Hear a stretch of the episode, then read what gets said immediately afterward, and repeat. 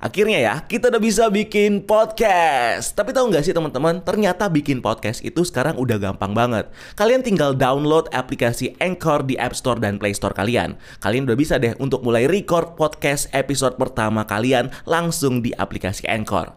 Bahkan kalian juga bisa edit podcast kalian langsung loh. Di aplikasi Anchor, podcast kamu bakal didistribusikan ke podcast streaming platform seperti Spotify, Apple Podcast, dan masih banyak lagi. Dan yang pasti, gratis. So you download aplikasi Anchor di App Store dan Play Store kalian atau kunjungi www.anchor.fm. Selamat bikin podcast. Hey Squirrels, setelah trailernya muncul tahun lalu dan filmnya sempat dipospon sama pihak studio karena Corona. Trailer kedua Morbius akhirnya dirilis sama Sony Pictures. So, welcome to Breakdown Channel Universe. Bareng gue Rian, langsung aja kita breakdown trailer Morbius ini.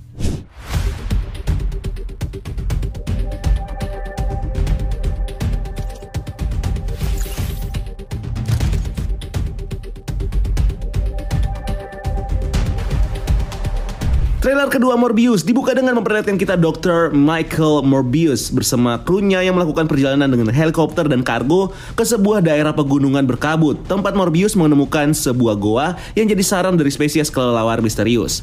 Nah, sama seperti trailer pertamanya, di sini Morbius melakukan semacam eksperimen di goa itu untuk menemukan obat dari penyakit darah langka yang dia derita selama ini. Di mana dalam eksperimen itu kita melihat Morbius yang sedang memancing para kelelawar untuk keluar dengan menggunakan sebuah alat dan menggoreskan luka di tangannya. Nah, ini kemudian membuat para kelelawar datang dan mengerubungi Morbius dan mungkin juga menghisap darahnya yang sepertinya memicu percampuran DNA antara Morbius dan kelelawar sehingga Morbius akhirnya bisa bertransformasi menjadi living vampire. Di mana kalau di komik proses transformasi ini bisa terjadi setelah Morbius melakukan sebuah eksperimen dengan menggunakan DNA kelelawar vampir dan metode elektroshock atau sengatan listrik. Next scene terlihat flashback dari Morbius kecil yang dirawat sama seorang dokter di rumah sakit yang menunjukkan kita bagaimana dia dari kecil harus struggling dengan penyakit darah langka yang dia derita sampai saat ini. Berikutnya kita juga diperlihatkan dengan scene dari trailer sebelumnya saat karakter Martini Bancroft, love interest dari Morbius sedang merawat Morbius di sebuah fasilitas. Di mana di scene itu terdengar juga narasi dari Morbius yang bilang kalau dia seharusnya udah meninggal bertahun-tahun yang lalu, but somehow dia bisa survive. Dan narasi lainnya yang menjelaskan kalau penyakit darahnya ternyata nggak cuma diderita sama Morbius aja, tapi juga diderita sama orang lain di seluruh dunia. Next, kita bisa mendengarkan suara Mobius yang bilang kalau untuk menemukan obat dari penyakitnya, mereka harus keluar dari batasan dan mengambil resiko.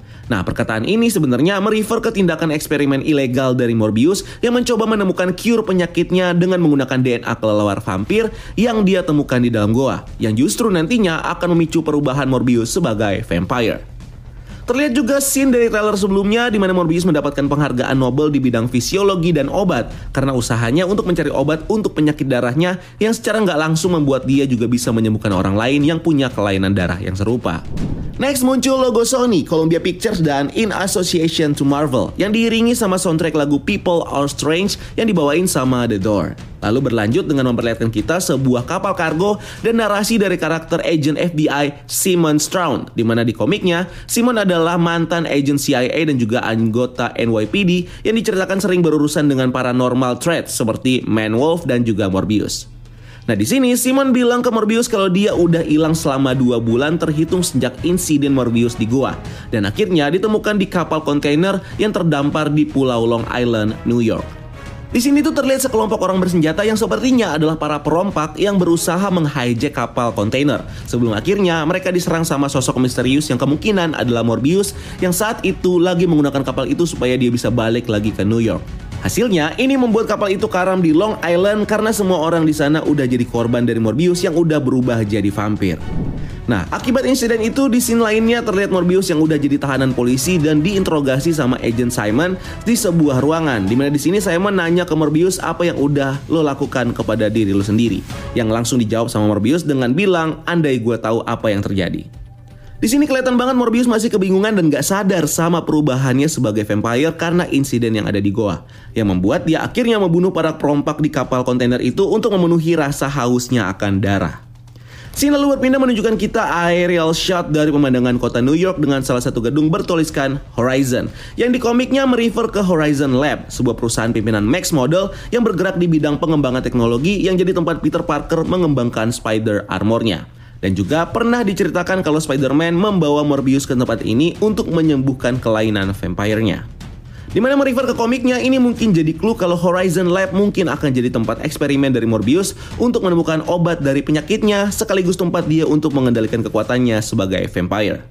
Masih di scene kota, terlihat juga gedung bertuliskan Oscorp yang pasti familiar nih dengan kalian para fans Spider-Man. Di mana Oscorp adalah perusahaan yang dimiliki sama Norman Osborn, alter ego dari Green Goblin yang jadi musuh dari Spider-Man. Di mana kalau kita perhatikan lagi logo Oscorp yang ada di gedung ini, sebenarnya mirip dengan logo Oscorp yang ada di film Amazing Spider-Man 2.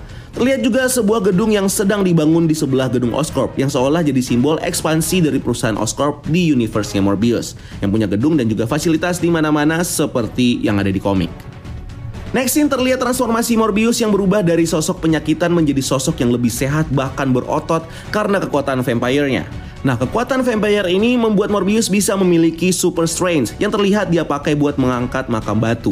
Lalu juga super speed yang dia gunakan saat melawan para penjahat, lalu echolocation yang dia gunakan ke seluruh kota untuk melacak sesuatu, di mana terlihat bagaimana pupil mata Morbius berubah saat menggunakan kekuatan ini. Lalu ada kekuatan yang bisa membuat Morbius bisa hilang dengan kepulan asap ungu dan juga hitam, lalu kemampuannya buat terbang di stasiun kereta dengan memanfaatkan aliran udara dan juga kekuatan untuk mengendalikan kelelawar seperti Batman. Di mana ini adalah kekuatan baru yang cuman muncul di film ini dan tidak ada di komiknya. Next terlihat Martini yang udah mulai sadar kalau transformasi Morbius sebagai vampire punya semacam limitasi tertentu, di mana kekuatan ini tentunya memberikan efek samping berbahaya ke Morbius yang membuatnya punya keinginan untuk mengkonsumsi darah manusia dan merubah tampilannya menjadi vampire lengkap dengan gigi taringnya, cakar tajam, kulit pucat dan juga mata merahnya yang sempat membuat Martini shock saat pertama kali melihat Morbius menjadi vampire. Terlihat juga Morbius yang udah sadar dengan efek samping kekuatan vampire-nya yang membuat dia terpaksa memburu manusia dan mengkonsumsi darah mereka. Nah, di mana scene ini sepertinya pertama kalinya dia melakukan pembantaian kepada para perompak di kapal kontainer. Scene lalu berpindah menunjukkan kita Morbius yang mencoba mengendalikan kekuatan vampirnya dan mencoba meminum darah donor supaya dia bisa memenuhi hasratnya untuk meminum darah manusia. Karena kalau di komiknya, Morbius diceritakan bakal jadi lemah dan sulit mengontrol dirinya jika dia tidak mengkonsumsi darah dalam waktu yang lama. Nah di sini terlihat Morbius yang ditemani sama Martini dan mentornya yang diperanin sama Jared Harris untuk melalui proses ini. Bahkan di scene lainnya, mentornya ini bisa dibilang cukup involved dengan terus memotivasi Morbius untuk mengontrol kekuatannya dan mengingatkan Morbius tentang tujuan awalnya yang pengen menyembuhkan dunia bukan menghancurkannya supaya dia nggak berubah jadi sosok vampire yang jahat.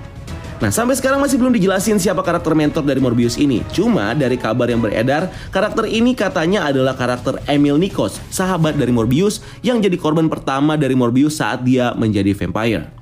Di mana hal yang sama sepertinya akan terjadi juga pada karakter mentor Morbius ini karena di trailer sebelumnya terlihat Morbius yang berdiri di atas mayat sambil berteriak. Di mana ini mungkin adalah tubuh dari mentor Morbius yang gak sengaja dibunuh sama Morbius untuk memenuhi hasrat haus darahnya yang justru malah membuat Morbius menyesal seperti yang terjadi di komiknya. Scene berikutnya kemudian nunjukin kita para polisi yang melakukan investigasi di stasiun kereta tempat terjadinya pembunuhan yang dipercaya polisi dilakukan oleh Morbius. Di mana ini kemudian dilanjutkan dengan para polisi yang melakukan investigasi ke fasilitas milik Morbius. Di mana sebelumnya tempat ini sempat diserang sama pasukan bersenjata yang berhasil dibunuh sama Morbius. Nah, di crime scene ini, Agent Simon terlihat menemukan clue berupa kertas yang dilipat dengan bentuk kelelawar, yang sepertinya jadi petunjuk untuk para polisi untuk menduga kalau Morbius sudah terlibat dalam pembunuhan ini. Akhirnya ya, kita udah bisa bikin podcast. Tapi tahu nggak sih teman-teman, ternyata bikin podcast itu sekarang udah gampang banget. Kalian tinggal download aplikasi Anchor di App Store dan Play Store kalian. Kalian udah bisa deh untuk mulai record podcast episode pertama kalian langsung di aplikasi Anchor. Bahkan kalian juga bisa edit podcast kalian langsung loh. Di aplikasi Anchor, podcast kamu bakal didistribusikan ke podcast streaming platform seperti Spotify, Apple Podcast, dan masih banyak lagi. Dan yang pasti, gratis. So you download aplikasi Anchor di App Store dan Play Store kalian atau kunjungi www.anchor.fm. Selamat bikin podcast. So, apakah Morbius beneran jadi dalang di balik pembunuhan itu? Sepertinya belum tentu karena di trailernya sendiri kita ngelihat bagaimana Morbius udah berusaha untuk mengendalikan kekuatan vampire-nya dengan mencoba untuk minum donor darah dan tidak membunuh manusia kecuali terpaksa seperti saat dia diserang di fasilitasnya. Yang tentunya membuat dia nggak punya motif untuk melakukan pembunuhan di film ini. Nah, terus kalau gitu siapa dong yang jadi pembunuh sebenarnya?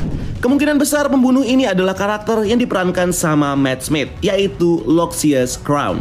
Di mana di komik, Crown alias Hunger dikenal sebagai mantan agen pembunuh Hydra dan juga living vampire yang mendapatkan kekuatannya dari eksperimen menggunakan Morbius. Nah, karena sampai saat ini masih belum jelas peran Crown di film Morbius dan belum jelas juga villain yang akan dihadapi sama Morbius di film ini, so bisa aja Crown akan jadi secret villain di film ini yang akan berhadapan sama Morbius. Di mana di film ini Crown sepertinya akan memframing Morbius dalam serangkaian kasus pembunuhan yang dia lakukan, seperti di rumah sakit dan stasiun bawah tanah tempat kita bisa ngeliat karakter ini di trailernya. Bahkan bisa jadi Crown adalah orang yang menyuruh pasukan bersenjata untuk menyerang fasilitas Morbius supaya dia bisa memframing Morbius sebagai penjahat demi menutup semua pembunuhan yang udah dia lakukan di film ini. Next scene, terlihat tulisan The line between hero and villain will be broken atau garis antara pahlawan dan villain akan rusak. Yang sebenarnya adalah petunjuk kalau film ini bakal menggambarkan Morbius sebagai sosok anti-hero yang akan berusaha menyelamatkan dunia tapi dengan cara jahat seperti villain dengan membunuh korbannya seperti Venom di filmnya. Berikutnya scene berpindah nunjukin kita narasi dari Simon Trout yang kelihatan berusaha melindungi Morbius dengan ngasih tahu kalau setengah kota udah mulai ngeburu dan pengen ngontrol dia. Yang di sini sepertinya merefer ke karakter Lucius Crown yang punya niat untuk bereksperimen dengan Morbius untuk menambah kekuatan vampire-nya. Dan di scene lainnya terdengar juga Simon yang bilang ke Morbius kalau dia seharusnya menyelamatkan nyawa, bukan mengambilnya. Yang merupakan usaha dari Simon untuk menyadarkan Morbius untuk tetap jadi orang baik dan jadi pahlawan yang akan menyelamatkan dunia. Bahkan bisa jadi Simon adalah orang yang membantu Morbius buat keluar dari penjara secara diam-diam. Makanya nggak heran di trailer ini kita bisa ngelihat Morbius yang masih pakai baju tahanan sebelum akhirnya dia ganti baju dan terlihat bersembunyi dari kejaran polisi. Next scene terlihat juga para polisi yang sedang melakukan pengepungan, entah itu untuk karakter Morbius atau Lucius, di mana pengepungan ini dipimpin sama Agent Rodriguez dan Simon yang terlihat memakai sebuah alat di tangan kanannya yang sepertinya adalah alat yang digunakan Simon untuk merecover luka di tangannya setelah sebelumnya diserang sama Morbius atau Crown. Next, kita bisa melihat banyak referensi dari film Spider-Man yang muncul dalam koran yang dibaca sama Morbius.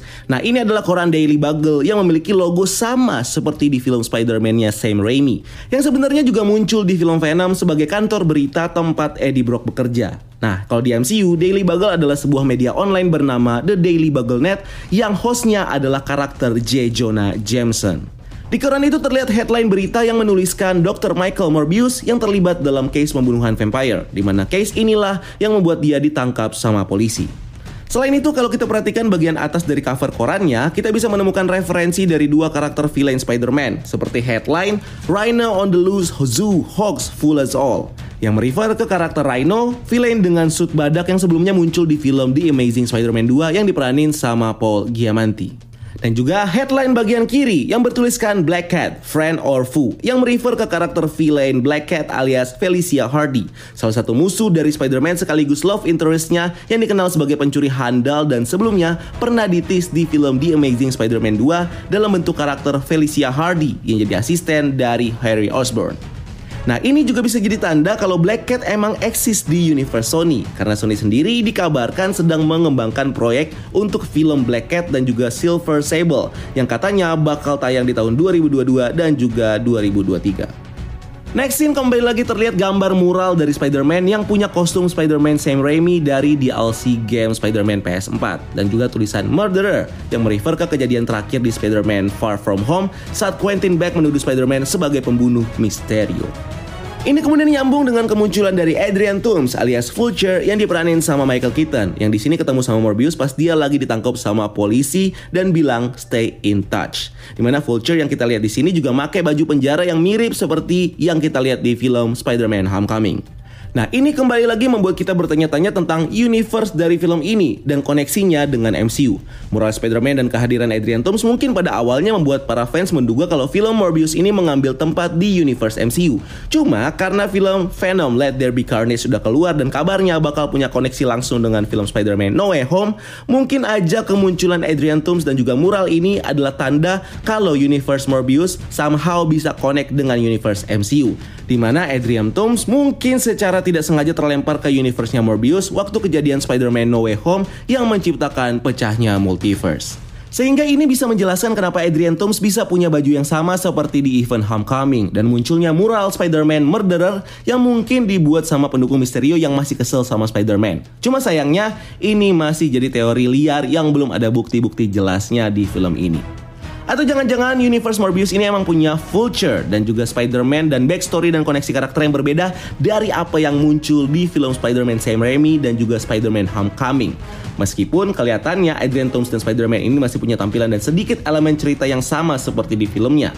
Nah, dengan Adrian Toomes yang di sini masih digambarkan sebagai seorang villain dan Spider-Man sebagai seorang hero yang dituduh jadi seorang pembunuh, tapi universe-nya ini memang benar-benar berbeda dan bisa kita bilang ini ada alternate universe dan mereka-mereka ini adalah variant.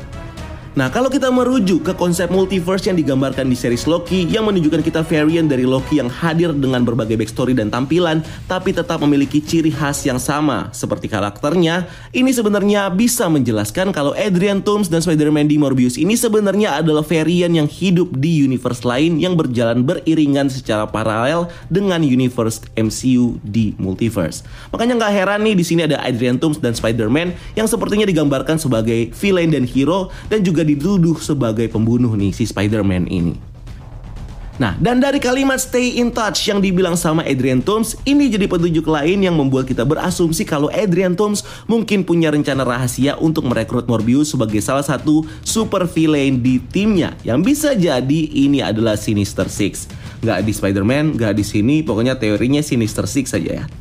Di mana bukan cuma Morbius, karakter yang ada di Sony Spider-Man Universe seperti Kraven the Hunter, Venom mungkin akan jadi villain yang juga akan bergabung di kelompok ini.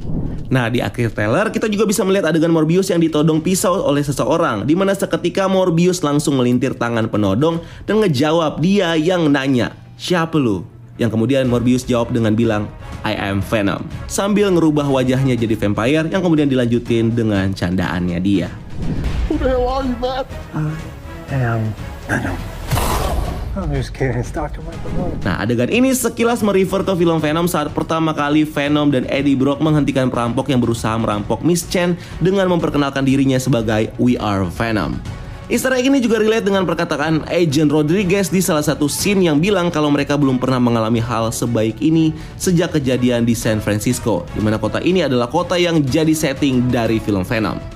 So, dari kedua bukti ini makin diyakinkan nih ya kalau film Morbius bakal mengambil setting di universe Sony Spider-Man Universe yang jadi universe dari dua film Venom di mana di universe ini terlihat bagaimana nama Venom udah mulai dikenal di kalangan polisi dan warga kota seperti Morbius yang sepertinya terjadi karena aksi vigilante dari Eddie dan Venom yang mereka lakukan di kota San Francisco.